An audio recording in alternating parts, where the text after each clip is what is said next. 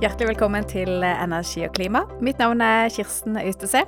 I dag har jeg fått eh, besøk av eh, visesanger Pål Moddi Knutsen. Velkommen. Takk, takk. God dag, god dag. Du er på en, eh, hva skal jeg kalle det, en sakteturné med elbil. Ah, så sakte er han jo ikke. Det går jo stort sett i 90-100 bort gjennom veien, men, men den er saktere enn en mange andre turneer jeg, jeg har vært på tidligere, ja. Og så starter du på Sørlandet. Mm. Har kjørt oppover gjennom Rogaland. Mm. Har du kommet til Bergen. Mm. Og så skal du videre til Førde og Ulsteinvik og Ålesund og Så skal jeg ta hele Trøndelag og Nord-Norge ut gjennom mai, og så skal jeg sørover igjen og uh, spille konserter på Østlandet uh, i ja, blir det vel august-september. Og alt gjøres med elbil. Du, hvordan er turnélivet? Nå veldig kjærkomment etter to år med nedstenging. Uh, veldig godt å se gamle venner igjen, spille ordentlige, lange konserter igjen. For folk som ikke er nødt til å sitte med to meters avstand og munnbind og hele den pakken der. Um, jeg trives veldig godt med å reise. Uh, har alltid Har bestandig gjort det. Uh, samtidig så, så, kjenner jeg at jeg savner våren hjemme. skulle ønske jeg var der òg.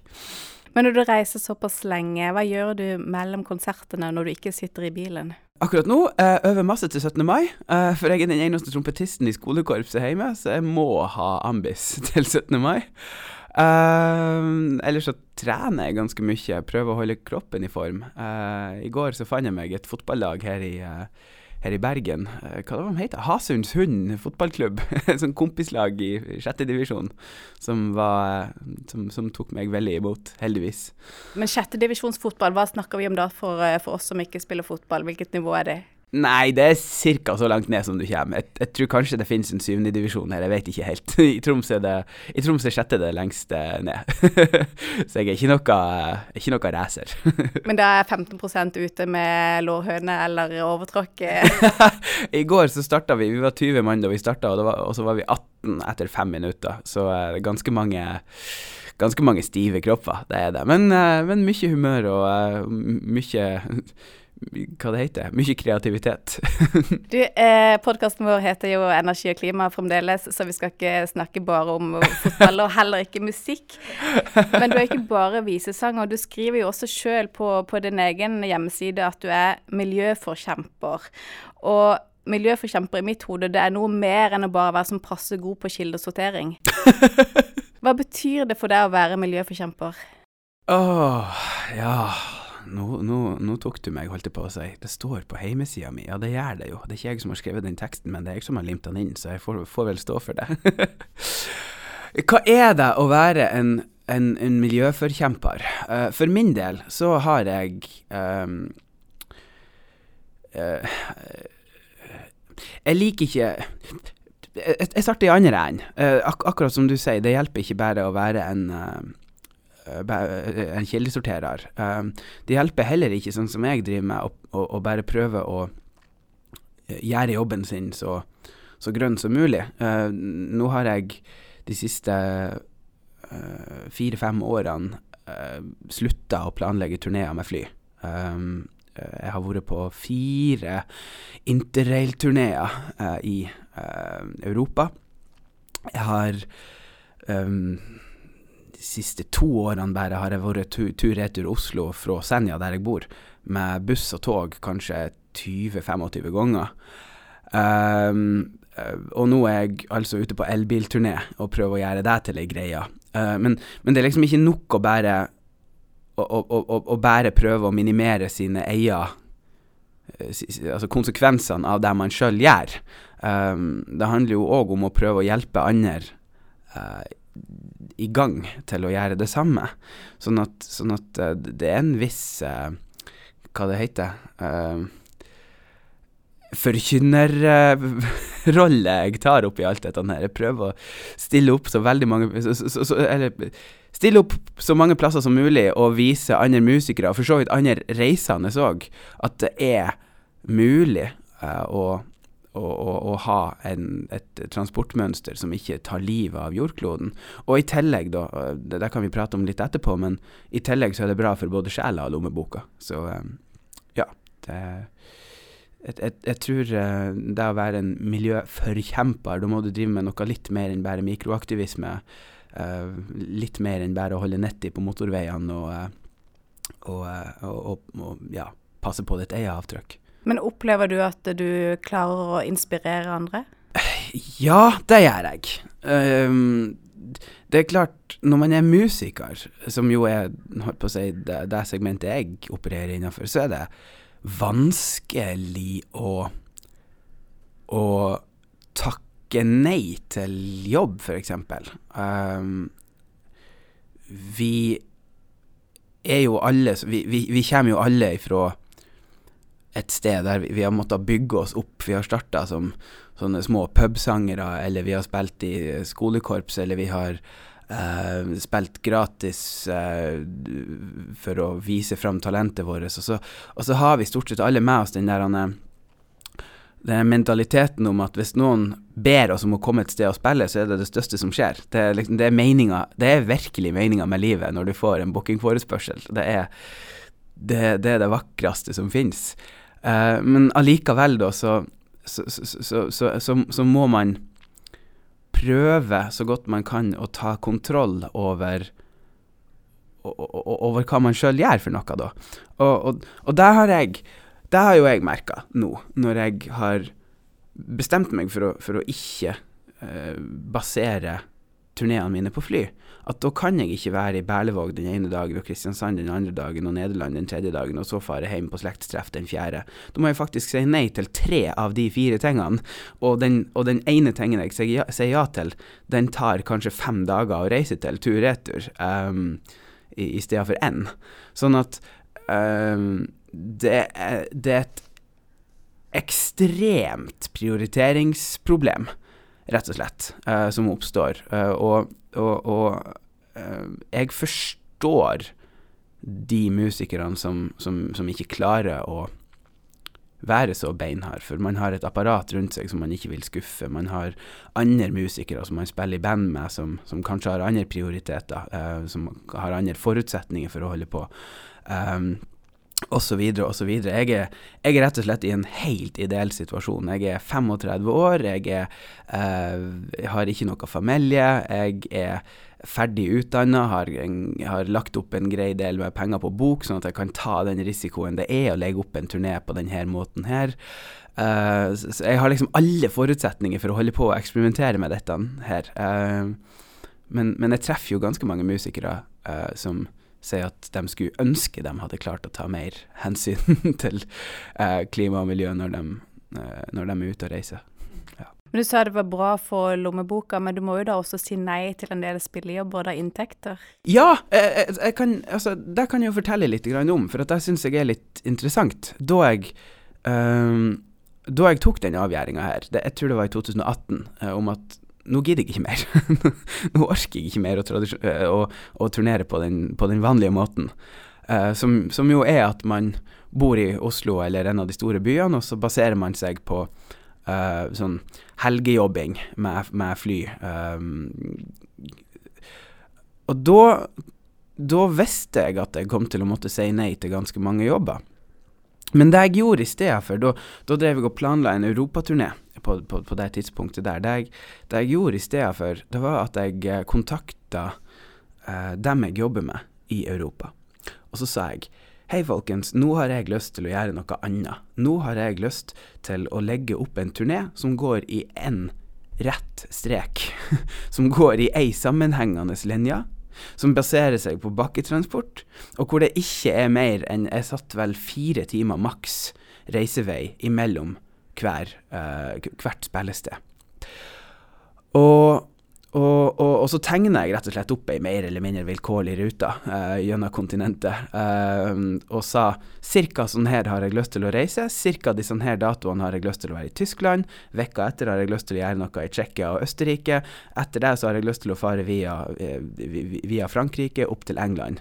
Og sånn ish, hvis dere, hvis dere kan tenke dere å se på dette her, så hadde jeg, så hadde jeg blitt kjempeglad. Og, og, og det som da skjer, er at de går inn og ser på muligheten for, for å sette opp ei turnerute som ser sånn ut. Da får man ikke nødvendigvis gjort alle de største byene på ei sånn reise. Du får ikke nødvendigvis de feiteste venuene. Det kan hende at spillestedene er opptatt den dagen, eller at de er ledige neste dag, men det passer jo ikke deg, for da er du fire timer videre eh, i reiseruta. Uh, men, men de klarte å sy i hop en turné, en sammenhengende turné, med konserter hver eneste dag i tre og en halv uke. Det har jeg aldri hatt før. Um, men, men, men, da hadde jeg jo på en måte gitt dem beskjed om at om, at, om de så booke en, en, stuekonsert med 50 tilskuere i, i, i Kaiserslautern, så er det OK. Så, så, vi gikk litt ned på kapasitet. Vi gikk ned på inntjening. Men det som samtidig var, var at da hadde jeg jo konserter hver eneste dag. Ingen sånne stilledager hvor du, hvor du er nødt til å liksom, betale for hotell bare for å eksistere. Um, I tillegg så hadde jeg ei logisk reiserute som, som krevde minimalt med, med reisekostnader. Um, og det som viste seg at var så Jeg hadde jo ikke tenkt denne tanken før jeg begynte å planlegge turneen, men jeg kunne jo rett og slett bare kjøpe en interrailbillett. Ut av Norge, hele veien. Uh, 28 dager på tur. Uh, til ja, hva det var, 6500 kroner. Altså ingenting. Um, så på en sånn typisk måned i Europa så ville jeg kanskje ha tjent en 200 000-300 000, men mesteparten hadde gått opp i reiser og opphold og alle de tingene der. Her gikk jeg ned til å tjene en 150 000, og, men brukte jo en, en, en tiendedel i, i reiseutgifter. Um, Sånn at, sånn at, det var min første europaturné hvor jeg faktisk gikk i pluss. og, og, ikke bare gikk jeg i pluss, jeg fant ut at i løpet av den lille måneden på turné, så hadde jeg brukt hadde jeg hatt et CO2-avtrykk på 3% av ei flyreise tur-retur Frankfurt. I tillegg til at jeg kunne sove lenge, for at jeg trengte ikke å nå de der grytidlige morgenflyene som er de eneste musikerne har råd til. Uh, jeg kunne sove på hotellet til klokka ni, stå opp, tasse av gårde til, eh, til sentralstasjonen i hvilken by jeg nå enn var i, og så var det maks fire timer til neste spillested. Jeg hadde tid til å tenke, sove, skrive, øve, øh, trene, møte folk. Altså, altså, det var bare tidenes vakreste turné. Og, og, og, alt dette her var ting jeg, jeg hadde ikke forestilt meg det, uh, at det kunne bli så bra. Um, og, og det er litt sånn Kanskje det større budskapet med, med, med, det jeg driver med her, at, at vi har blitt tvungen opp i et hjørne, ikke bare musikere, men, men folk generelt har blitt tvungen opp i et hjørne hvor vi, hvor vi er livredd for alternativet til det vi driver med. Og nå, og nå, snakker jeg litt sånn større om dette her med økonomisk vekst, og at, og, at, og at, alle alltid skal sikre seg med litt mer penger i banken, og at samfunnet er basert på at vi er nødt til å rasere naturen. Og folk er livredd for, for alternativet. Altså, folk er livredd for resesjon og for og, og, og for eh, innskrenka mulighetsrom og, og, alle de tingene her. Men, men jeg tror at jeg, jeg tror helt ærlig talt at det finnes ei framtid som er bærekraftig, som er lønnsom, som er øh, først og fremst, og viktigst av alt, godt, eller god for oss mennesker. Hvor vi ikke trenger å være livredd for alternativene og livredd for framtida. Jeg, jeg ikke Altså, for meg, dette her med å prøve å gjøre uh, virksomheten sin så grønn eller bærekraftig som mulig, i hvert fall, har, har gjort livet mitt mye bedre, og, og, og har gjort samvittigheten min bedre, men, men, har i tillegg gjort at jeg faktisk kan leve av dette her uten å, uten å være redd. så ja, det er litt av et kinderegg. Hvordan starta dette miljøengasjementet? Black Ulf-klubben. Enkelt og greit. Jeg ble meldt inn i Black Ulf-klubben, jeg vet ikke av hvem, men det må vel ha vært en av foreldrene mine. Uh, og eh, jeg var en eh, fem-seks år og akkurat begynte å lære meg å lese når jeg leste om han Blekkulf og han Rockerolf og alle de skapningene på bunnen av havet. Og, og, jeg bor jo med havet. Um, og, og, omtrent på den tida da, Ja, det var vel omtrent da jeg, da jeg begynte i første klasse, så, så, var det et skipsforlis på Senja. Uh, hvor, hvor, et uh, skip med massen av blåplast hadde gått på grunn. Så det rak i land en massen av blåplast over hele kysten. Og, og vi i eh, altså, Alt av uh, bakkemannskapet er sendt ut for å plukke. Så vi for jo fra, fra vik til vik, fra fjord til fjord, og, og drog opp blå, blå, blåplast av fjæra. Samtidig som jeg leste om han, om, om, om han Blekkulf og alle de her stakkars fiskene som, som, hadde det så ille der nede. så, så det, starta, det starta der. Jeg var vel en åtte-ni år gammel da jeg sto med plakater utfor posthuset og protesterte mot biler på tomgang. Med sånn her 'Skru av motoren, din gjøk! Å forurense er ingen spøk! Bruk hodet! Vi har bare én klode! Det var kanskje der musikkengasjementet starta òg. Det var jo det var musikk og miljø hand i hand. Så det har vært det hele tiden? Ja, litt sånn av og på. Må jeg, må jeg jo si. Uh, men, men, ja, jeg har drevet med musikk hele livet. Først Først bare sånn sang hjemme i lag med mamma og pappa, og så klassisk piano i et halvt år da vi hadde det, det halve året vi hadde kulturskole hos oss, og så begynte jeg i korps, og så begynte jeg i rockeband, og så begynte jeg å rappe. Og Så var jeg vel en 18-19 da jeg begynte å spille kassegitar, og det, det sammenfalt med at jeg òg var leder av det lokale Natur og Ungdom, uh, hvor, hvor vi det, det, fantes på en måte ikke sanger som reflekterte det vi jobba med på den tida. Det var en ja, I hvert fall ikke innenfor altså min musikksmak. Det var veldig mye sånn Hvordan skal jeg si det? Sånn halv, halvresignert eh, dadaistisk pop som, som gikk ut på å fange ambivalensen i det samfunnet vi levde i på begynnelsen av 2000-tallet, med, med, akkurat krigen mot terror, og, og klimaendringene var begynt å ta tak, og, og det var alt virka så utrolig stort og skummelt og, og, fælt, men veldig uhåndgripelig. Og der var musikken òg. Um, popmusikken, i hvert fall. Veldig uhåndgripelig. Så det var derfor jeg begynte å skrive sanger i utgangspunktet, for å prøve å sette ord på på det vi drev med. Mm. Så det har jo Ja, musikk og miljø, det har, det har vært der hele tida, men litt sånn Ja, det har veksla litt hva, hva fokuset har vært, både innenfor musikken og miljø. ja. Og hva innenfor miljøet, hva er det som på en måte opptar deg i dag? Å, godt spørsmål.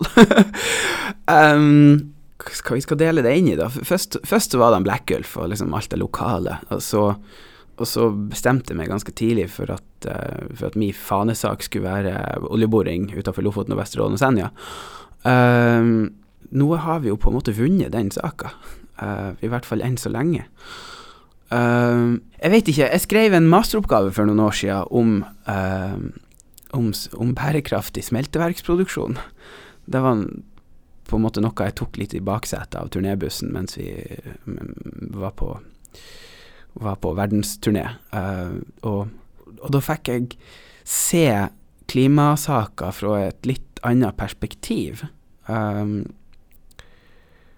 nemlig alle de tingene som vi er nødt til å si ifra oss i framtida.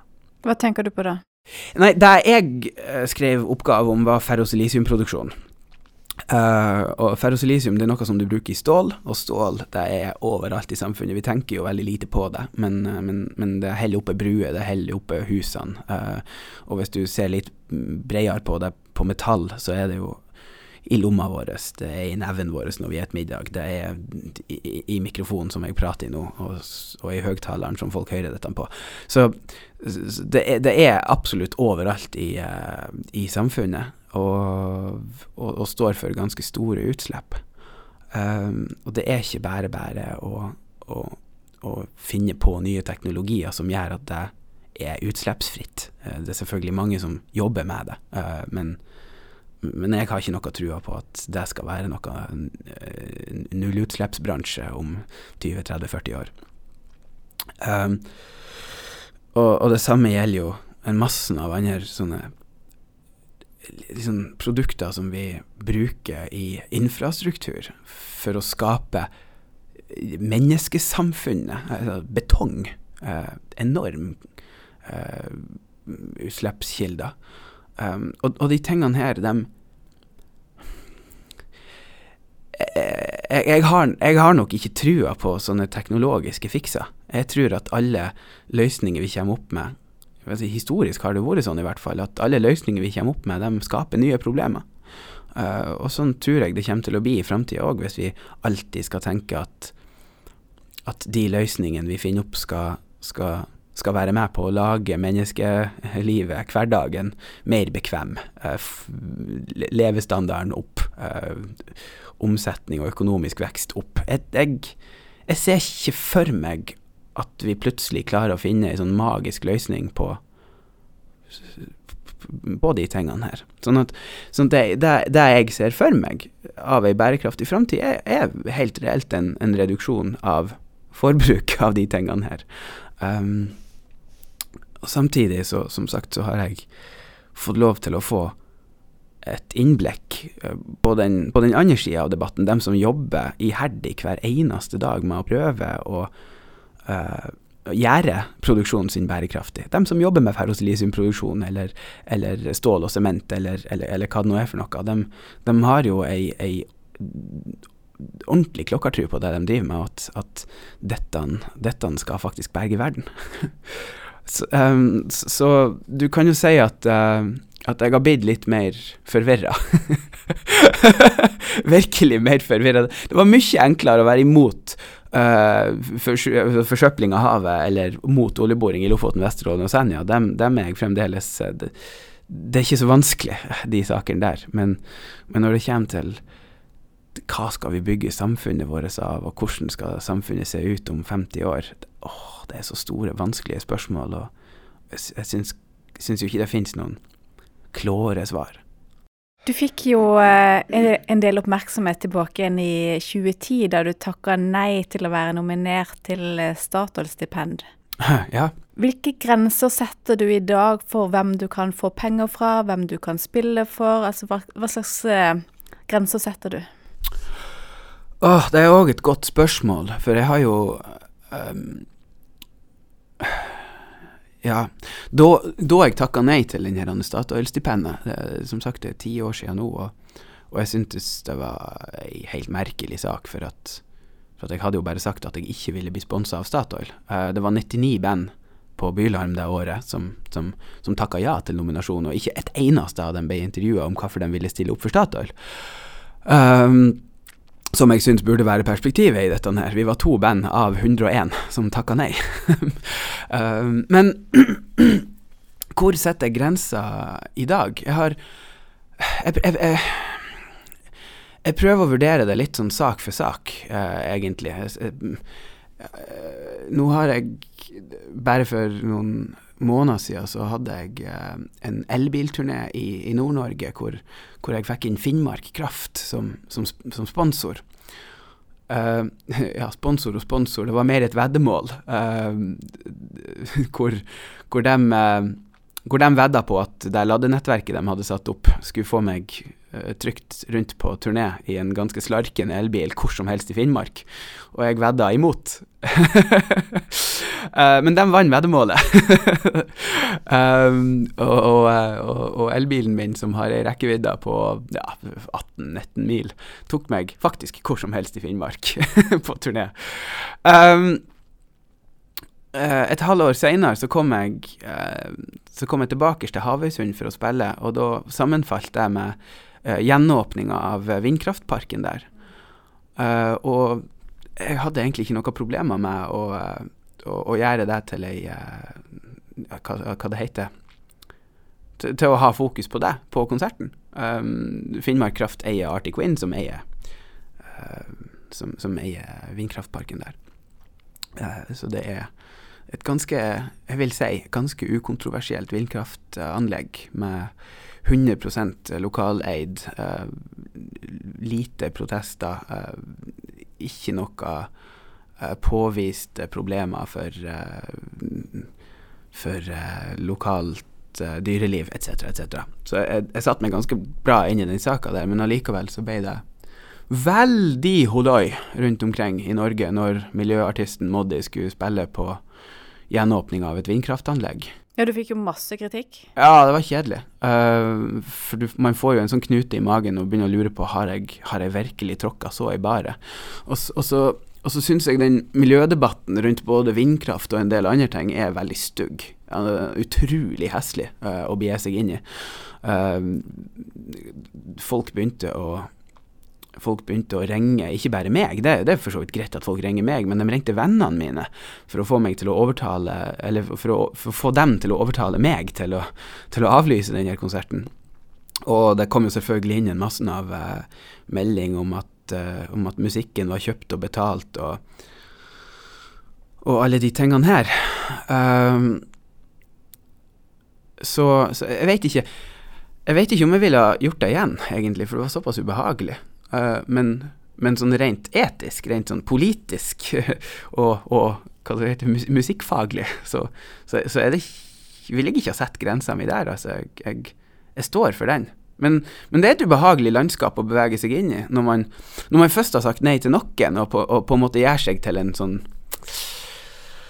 øh, Jeg vil ikke si frontfigur, men i hvert fall altså et, et, symbol på at på, på at uh, penger ikke er alt, og, og, og, og da velge å si ja takk til penger fra noen, uh, ja Da skuffer man mange. Det, det skjønner jeg. Og, alle dem som Jeg tror jo på at de, de, de aller, aller fleste av dem som, uh, som engasjerte seg i den saka der, og selv om en, en, del av dem bekka over i rein hets, så, så, så, vet jeg jo at de har et ektefølt engasjement for den saka. Uh, og jeg vet at de er livredde for, for den utviklinga de ser, uh, hvor naturen blir spist opp og, og, og friluftsområder forsvinner og dyrelivet blir fortrengt bort. Og jeg, jeg vet jo at det er et, et ektefølt engasjement, så jeg, jeg prøver å se litt mildt på det. Jeg kan jo òg jeg kan jo òg bli fette forbanna og, og, og, og, virkelig lire av meg gloser som jeg angrer på etterpå. Så det, det tror jeg vi alle gjør, når, når, det er et tema som virkelig engasjerer oss. Men kan du forstå hvorfor akkurat vindkraft er blitt så betent? Nei, jeg kan, jeg kan nok kanskje ikke helt forstå det, personlig. Uh, jeg, jeg mener uh, Nå er jeg jo ute på, uh, på elbilturné, og kjører langs etter de her nye motorveiene som har blitt bygd i landet de siste ti årene, og jeg blir jo vette skremt av hvordan vi sprenger oss av gårde og planerer ut hele fylkesdeler, uh, og hvordan alt er grått og hønsenetting og flatt og, og 110 km i timen. Jeg syns jo det er helt sjokkerende. Uh, og, og, og hyttefelt og industriområder klint opp i naturreservater. og Det er så mange ting som skjer, og vindkraft er selvfølgelig én del av, av, uh, av, av, hele denne debatten rundt hva, hva, hva, gjør vi med naturen vår i Norge nå. Uh, men, men altså Jeg er ute på det har vi ikke snakka om i det hele tatt, men jeg er ute på turné med et album som heter Bråtebrann. Og, og, og og selve sangen 'Bråtebrann', som er på det albumet, skrev jeg etter at jeg hadde vært på besøk på Lovund ute på Helgelandskysten. Der er det oppdrettsmekka. Uh, det, var, det, var, et av de uh, stedene hvor, hvor uh, oppdrettsbransjen virkelig bare gikk rett i taket. og Lovund er ei øy hvor hvor det ikke er så veldig mye plass til industri. Så det de har gjort der, det de har tatt naboholmen og rett og slett bare sprengt han i fillebetter, og, og, så smurt han utover havet, sånn at du har et, et flatt industriområde til Så du har plass til, uh, til eh, tanker og prosessanlegg og uh, smoltanlegg og uh, kasseindustri og helikopterlandingsplasser. Liksom, det er helt absurd hvordan vi har lært oss nå å gå fram med naturen på en måte som som kommer til å være helt ugjenkallelig, selvfølgelig, uh, i, i all overskuelig menneskeframtid. Forandrer vi naturen? Så Nå spurte du om, om, om jeg klarte å, å forstå vindkrafta spesielt. Nei, det gjør jeg ikke, men jeg er jo òg livredd for, for, hva det er vi gjør med, med landet vårt og kloden vår. Du kommer jo fra fra Senja, en liten plass som de fleste plasser i Norge. De er jo stort sett små plasser. Og alle ønsker jo Så du har en, du har en ordfører, du har politikere, du har mm. folk som, er, som, på en måte eier lokalsamfunnet, som har lyst til å tiltrekke seg nye, har lyst til at unge skal flytte hjem igjen, har lyst til at det skal gå til å bo der, har lyst til å være arbeidsplasser. Så det er jo så dilemma, for at du vil ha en form for attraktivitet som gjerne forbindes med vekst, det må komme noe nytt. Og så ønsker vi å bevare naturen sånn som den er. Ja, og er ikke det Og stakkars ordførerne. Eller det er ikke synd på dem, de, er, de har det oftest bra. Men, eh, men, men, det er noen moralske dilemmaer der. Og, og, jeg kommer jo fra Ja, du sier Senja. Du kaller det for et lite sted, eh, eh, men det er jo Altså, det er Norges største fiskerikommune nå. For at vi har, har tradisjonelt mye hvitfisk, men, men, nå en, ei oppdretts oppblomstring som, som eh, Ja, jeg tror ikke det ligner noen andre steder i landet, egentlig. Um, og, og, akkurat bygda jeg kommer fra, eller de, de bygdene som jeg kommer fra, fra yttersida av Senja, der Da jeg flytta derifra for 15 år siden, så var det litt sånn spøkelsesstemning. Alle flytta fra. Um, alle for ut. Fiskebåtene var solgt. Um, vi hadde ikke noen store uh, trålere, ikke noe stor landingsindustri, ikke, no, ikke, noen av de tingene der. Ikke noe filetfabrikk heller. Um, sånn, at, sånn, at, det så ut til at hele bygda bare kom til å forsvinne. Så kom jeg tilbake, nå er jeg flytta hjem igjen under pandemien. Til ei bygd hvor det ikke var mulig å få seg plass å bo. Og delvis er det derfor selvfølgelig pga. at folk skal ha hytte. og der, igjen, der har du der, der, driver vi og sprenger bort og, og, og, rydder plass for at folk skal kunne bygge hytte attmed hverandre. Uh, men òg pga. oppdrett. Vi har uh, et lite lakseslakteri med en 10-15 arbeidsplasser. Uh, og vi har oppdrettslokaliteter i hver eneste fjordarm nå.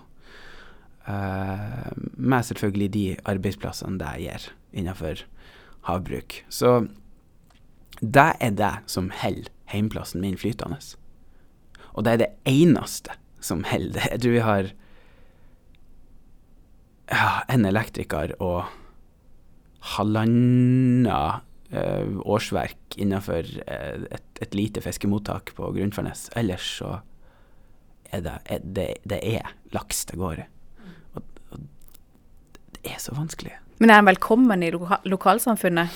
Ja, det er det jo. Um, jeg, jeg um, tok meg faktisk jobb der eh, her i fjor vår, uh, på lakseslakteriet. Uh, mest for å se hvordan det er der. Uh, mest for å ja, skjetne til hendene mine lite grann. um, og for å komme litt innpå. Og, og, og det er klart at folk ville jo ikke ha jobba der hvis de hadde samme grunninnstillinga som meg. Men, men, men, jeg mener jo av hele mitt hjerte at det vi driver med, er dyreplageri. Jeg mener av hele mitt hjerte at det, at det er helt umulig å, å, å, å, stå og se på dette her uh, med et kaldt hjerte. um, mens mens søstera mi, f.eks., hun er produksjonssjef på lakseslakteriet. Um, og, og, ser jo på dette her på en helt, helt annen måte. Uh, hun kan jo ikke stå der og tenke at dette her er dyreplageri. Da hadde hun ikke altså, mentalt kunnet stått i det. Uh, sånn, at, sånn, at, litt av dette her uh, nye albumet som jeg driver og reiser med nå, handler jo òg om å prøve å se virkeligheten fra den andre sitt perspektiv. Da blir virkeligheten veldig mye mer interessant, men òg veldig mye vanskeligere. Vi bor jo i nabohus, jeg og søster. Dere er gode venner? Ja, det, ja, ja, ja, ja, Hun har fem unger som, som reker huset imellom, som, som pingpongballer. Og, det er bare helt fantastisk. Ja da, vi er gode venner. Um, men det tok litt tid å, å få til å begynne å prate om de tingene her. At vi ser så forskjellige ting. Uh, og, og hun, hun, er ganske lugn på det. Men som sagt, jeg blir sint. jeg klarer ikke å la være å bli sint.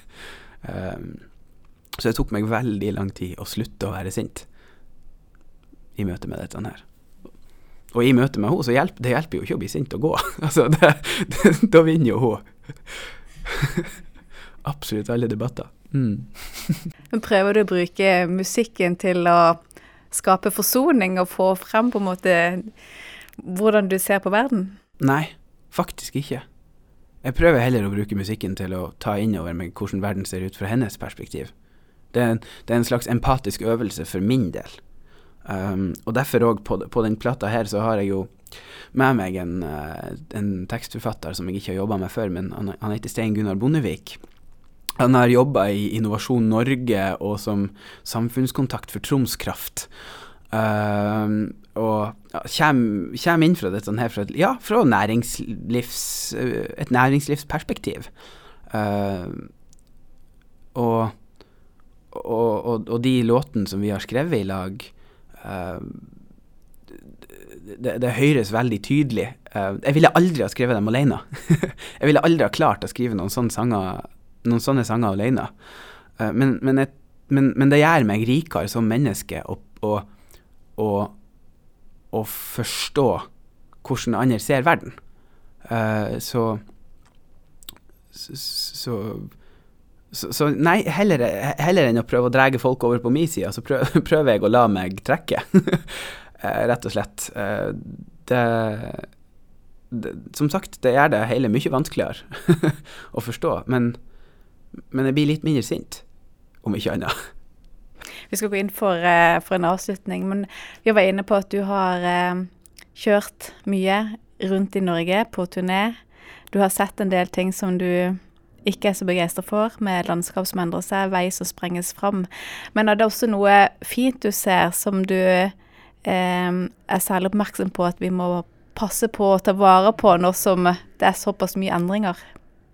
Ja, det er det jo. Um, i, i, sommer I sommer som var, så, så uh, gjorde jeg noe helt vanvittig. Jeg gikk som pilegrim fra Oslo til Trondheim. Det var Uh, det var ei utfordring jeg hadde fått fra Olavsfest uh, i, i, Trondheim. Og målet var rett og slett å, å gå og skrive låter underveis. Uh, og så skulle jeg utfremføre dette her i Nidarosdomen når jeg kom fram.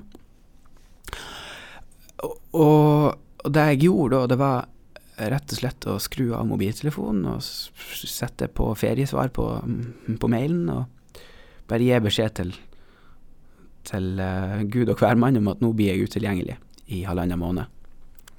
Uh, for det tar Det tar vel ja, om lag en halvannen måned å gå. Uh, og så la jeg telefonen igjen i Oslo, og var helt offline i 38 dager um, mens jeg gikk. Og det er kanskje min største skrekk i hele livet å være utilgjengelig eh, for folk. Å være kobla av. Um, ikke for at jeg har så stort behov for å kontakte folk, jeg elsker å være alene, men, men jeg er veldig redd for at folk skal, skal trenge å få tak i meg. Um, men altså, jeg, jeg skrudde av og, og gikk i min egen boble oppover eh, Toten og opp mot Gudbrandsdalen og over Dovre og inn i Trøndelag. Og det jeg opplevde da, var en tilstand, en mental tilstand, som jeg aldri har vært i før. Um, hvor jeg bare ble mer og mer sånn at jeg satte pris på de inntrykkene jeg fikk, de lange inntrykkene jeg fikk fargen i landskapet, lydene jeg hørte, de folkene jeg traff. Da hadde jeg jo plutselig tid til å sette meg ned og prate med folk i en time, halvannen, to, som jeg, folk jeg aldri hadde truffet før og aldri kom til å treffe igjen. Um, jeg husker spesielt, spesielt et, av de, altså et, av de, aller flotteste øyeblikkene. Det var, det var um, litt utafor Otta. da kom det en larve krypende over veien. sånn, du, ak akkurat utsprungen, du vet, sånn, sånn, sånn hårrått liten åme. Og, og jeg rett og slett la meg ned på asfalten og studerte larven. Akkurat sånn som jeg gjorde i barnehagen. Du husker hvordan alt, alt smått var så interessant. Vi pella på alt, og vi, og vi drog det i småbiter, og og vi kunne tilbringe timevis liksom, med, med, med, med, nesa nedi, ned molla. Og akkurat det fikk jeg plutselig tid til nå. Lå der med, nesa mi fem centimeter ifra denne åmen og så på føttene hans og på hårene hans og på, på bevegelsene hans, og på retninga, og på følehornene, og på fargen, og på, på hele dette her vidunderet av et mesterverk av ei skapning som, som, som drev og kravla over veien. Og det ga meg en større glede enn en, en, Altså nær sagt noe jeg har opplevd i mitt liv, omtrent. Altså det, det sendte meg rett tilbake til alle de barnlige gledene i barnehagen med hvor, hvor, hvor de aller, aller, aller minste tingene var de aller største. Og det tror jeg, helt alvorlig talt, er en slags eh, indikasjon på hvor vi, hvor vi trenger å se, vi mennesker, for å finne meningsfylte, interessante, lykkelige liv. Um, at, at, at livsglede er ikke i å bestandig bevege seg fort og være overalt og, og, og kunne ta for seg og ha muligheter til alt hele tida. Um, tenk, tenk, at liksom når, når hel, et helt år av livet ditt kan bli definert av en åme som kraup over veien utafor Otta um, og, ja, å gi deg så mye glede. Det, det ga i hvert fall meg, da, trua på at, at, vi kan klare dette her. Ikke bare på en måte som sender oss tilbake til steinalderen, uh, med tanke på Altså, vi, vi, kommer ikke til å måtte kjempe med nebb og klør for å, for, for å, for å overleve. Vi, vi, vi, klarer oss. Vi klarer oss helt fint på mindre, og så kanskje klarer vi faktisk å finne en god del glede i det òg. Um, i det å ta oss litt sakte tid. Det å være til stede i nuet. Det å stoppe sokkene våre. Uh, I det å rett, ja, rett og slett være, være mer til stede i vårt eget liv. Det tror jeg vi kan ha veldig, veldig godt av. Da sier jeg tusen takk for praten. Tusen hjertelig takk. Og så må du ha god tur videre med, med turneen og elbilen og rekke hjem igjen til 17. mai på Senja. ja, det må jeg jo. det må jeg.